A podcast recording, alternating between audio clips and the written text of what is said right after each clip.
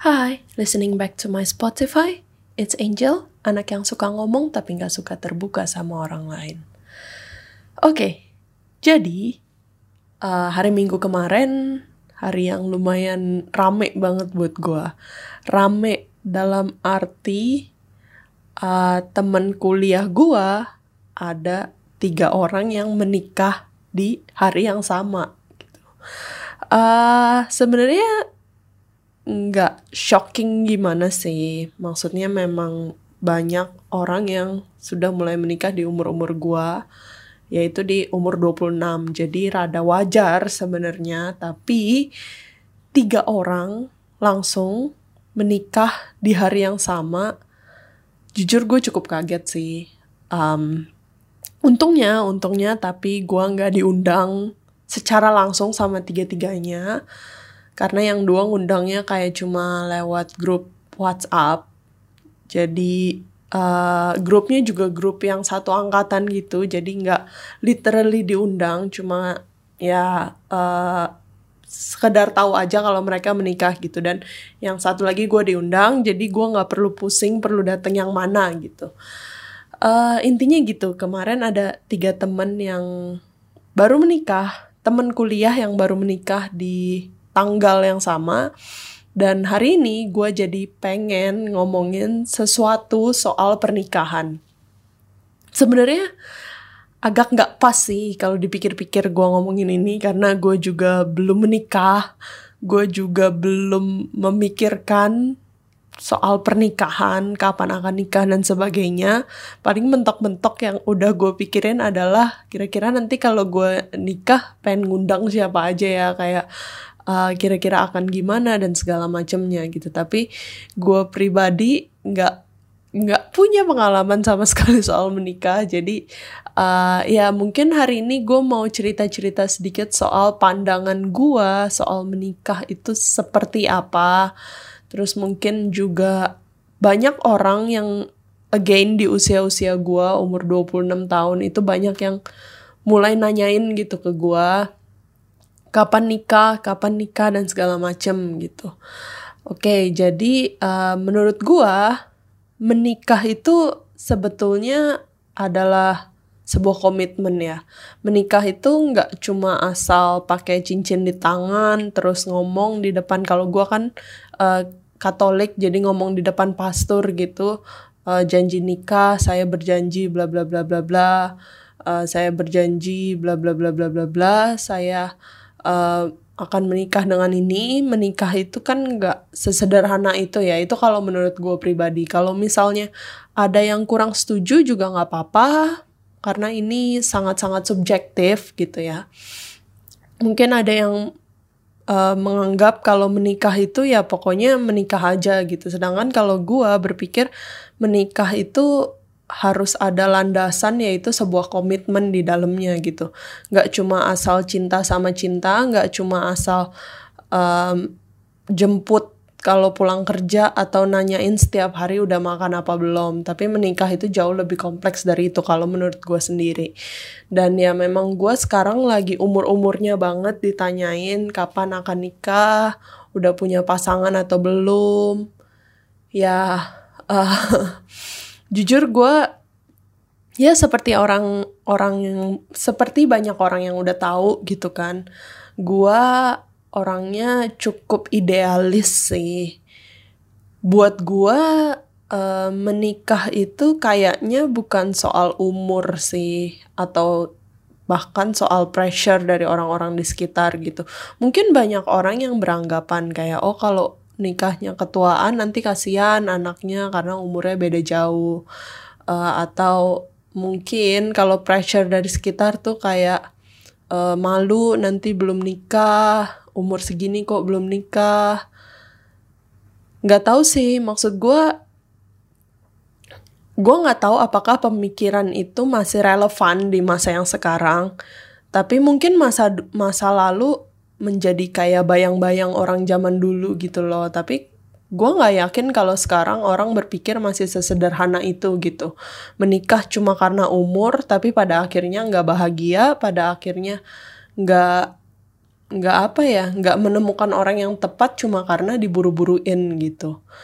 Um, ya gue memang masih sangat idealis sampai sekarang tapi gue sendiri nggak tahu berapa lama sih gue bisa bertahan jadi idealis?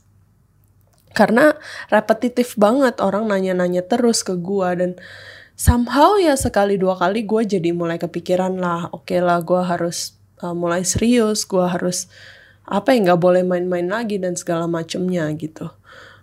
Uh, kembali lagi gitu buat gue kayaknya menikah itu harus harus banget dengan orang yang tepat gitu.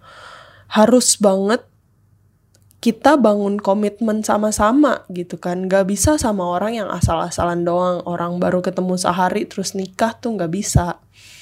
Uh, menikah itu bukan saatnya kenalan kalau buat gue menikah itu adalah saatnya kita berdiskusi. Kenalannya ya sebelumnya mungkin pas pacaran atau pas sebelumnya lagi sebelum pacaran menurut gue menikah itu benar-benar menemukan orang yang siapa yang benar-benar melengkapi kekurangan-kekurangan gue gitu. Kita nggak harus sama-sama punya hobi yang sama atau personality yang sama. Yang penting buat gue adalah orang yang tepat itu adalah orang yang mungkin bisa diajak diskusi seumur hidup kali ya karena nggak tahu sih gue nggak bayangin kita akan tinggal satu rumah seumur hidup selama ya mungkin 40 tahun, 50 tahun, 60 tahun, nggak ada yang tahu. Dan selama puluhan tahun itu kita harus bangun pagi ngelihat muka dia dan gue nggak kebayang kalau misalnya kita nggak bisa diskusi, nggak bisa ngobrol, nggak bisa klik gitu sama orang yang sama selama bertahun-tahun gitu. Jadi itu sih menurut gue uh, menanggapi orang-orang yang nanyain ke gue kapan nikah, udah punya pasangan atau belum, calon atau belum dan segala macamnya. Buat gue menikah itu adalah komitmen, komitmen yang besar, gak bisa asal-asalan dan komitmen itu harus dibangun bersama orang yang tepat atau orang yang menurut gue cocok lah ibaratnya diskusi sama gue seumur hidup gue gitu. Uh, jadi terlalu serius ya. Oke oke, okay, uh, mungkin gue cerita sedikit aja intermezzo soal pernikahan-pernikahan yang gue datengin selama covid karena fresh banget nih baru kemarin ini gue dateng ke nikahan temen gue Uh, dan gue juga beberapa kali sempat datang ke nikahan temen gue yang lain pas lagi masa-masanya covid.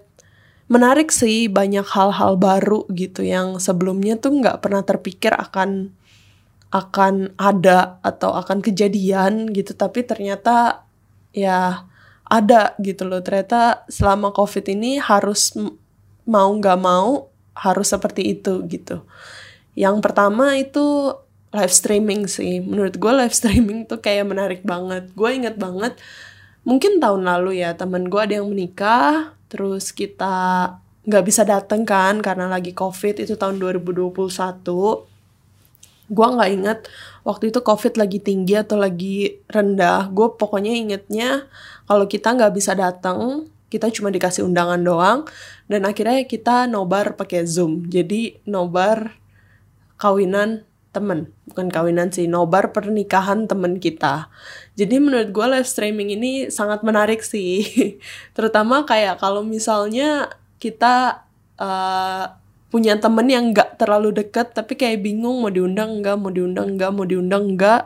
Dan akhirnya ya udah kasih aja link live streamingnya. Dan kan nggak perlu datang tapi dia juga diundang gitu loh. Dan gue nggak tahu sih apakah live streaming ini masih akan tetap ada sampai walaupun coronanya nanti udah nggak ada tapi uh, ya gue gue sih kalau nikah nanti kayaknya nggak mau pakai live streaming sih. Walaupun ini konsep yang cukup menarik ya. Ya we'll see lah. Terus uh, berikutnya yang menurut gue menarik adalah murah. Ya maksudnya kalau dibayangin gitu kan uh, dulu tuh kalau kondangan gitu kan gue lumayan sering diajak bokap atau nyokap gue kondangan ke temen-temennya. Dan kondangannya tuh selalu kayak rame banget. Kayak mau jalan aja tuh susah gitu. Sering banget hilang kayak nyari uh, bokap gue ke mana nyokap gue ke mana. Karena kan kita mau makannya beda-beda ya kayak mau cobain semuanya gitu kan.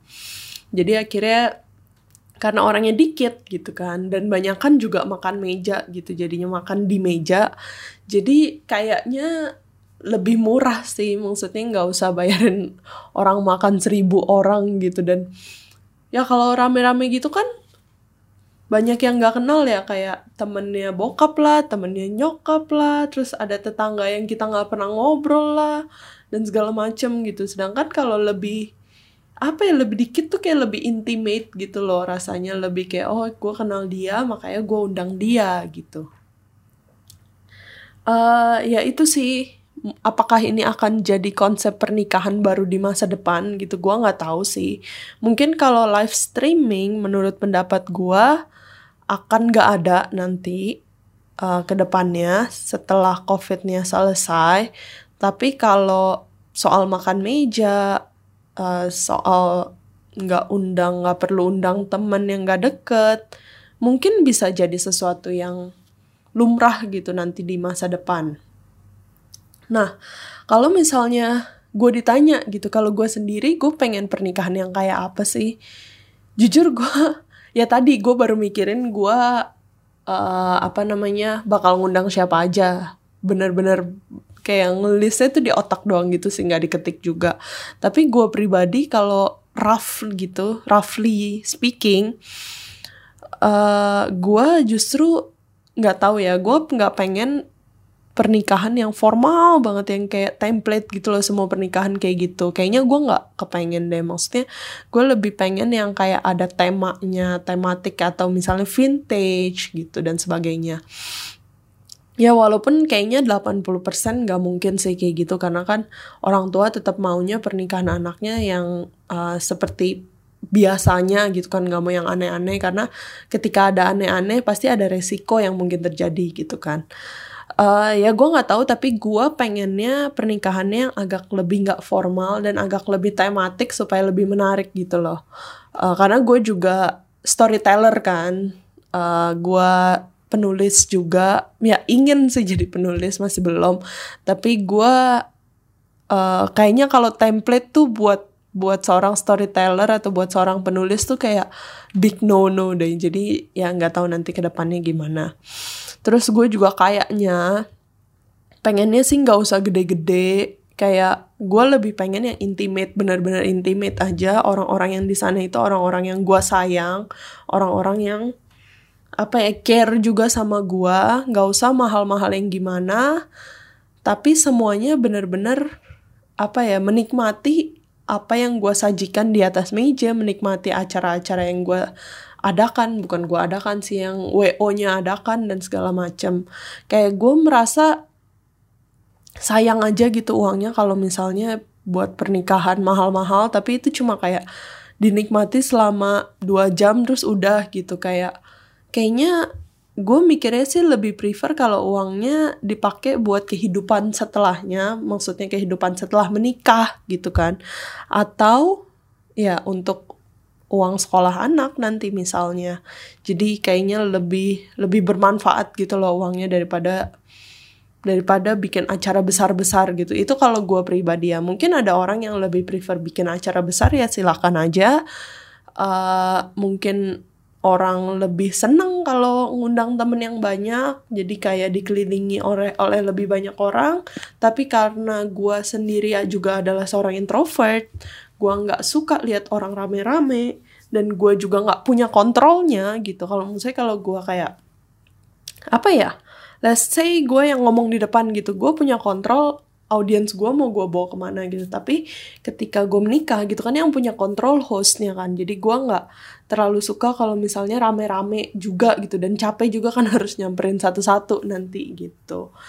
Uh, itu kalau menurut pendapat gue pribadi soal pernikahan mungkin ada yang gak setuju mungkin ada yang setuju juga sama gue mungkin ada yang half half setuju uh, pengen sih ngobrol-ngobrol sama orang soal uh, pernikahan ini menurut mereka gimana supaya gue juga dapat insight baru supaya uh, pemikiran gue juga bisa lebih terbuka gitu. Cuma kalau menurut kalian uh, soal pernikahan ini tuh gimana? Kalian sebenarnya pengen nikahan tuh kayak gimana sih nikahannya? Apakah mau yang besar atau yang mau kecil? Atau mau yang biasa-biasa aja, simpel-simpel aja? Oke, okay, mungkin sampai situ dulu podcast hari ini and talk to you next Friday. Bye-bye.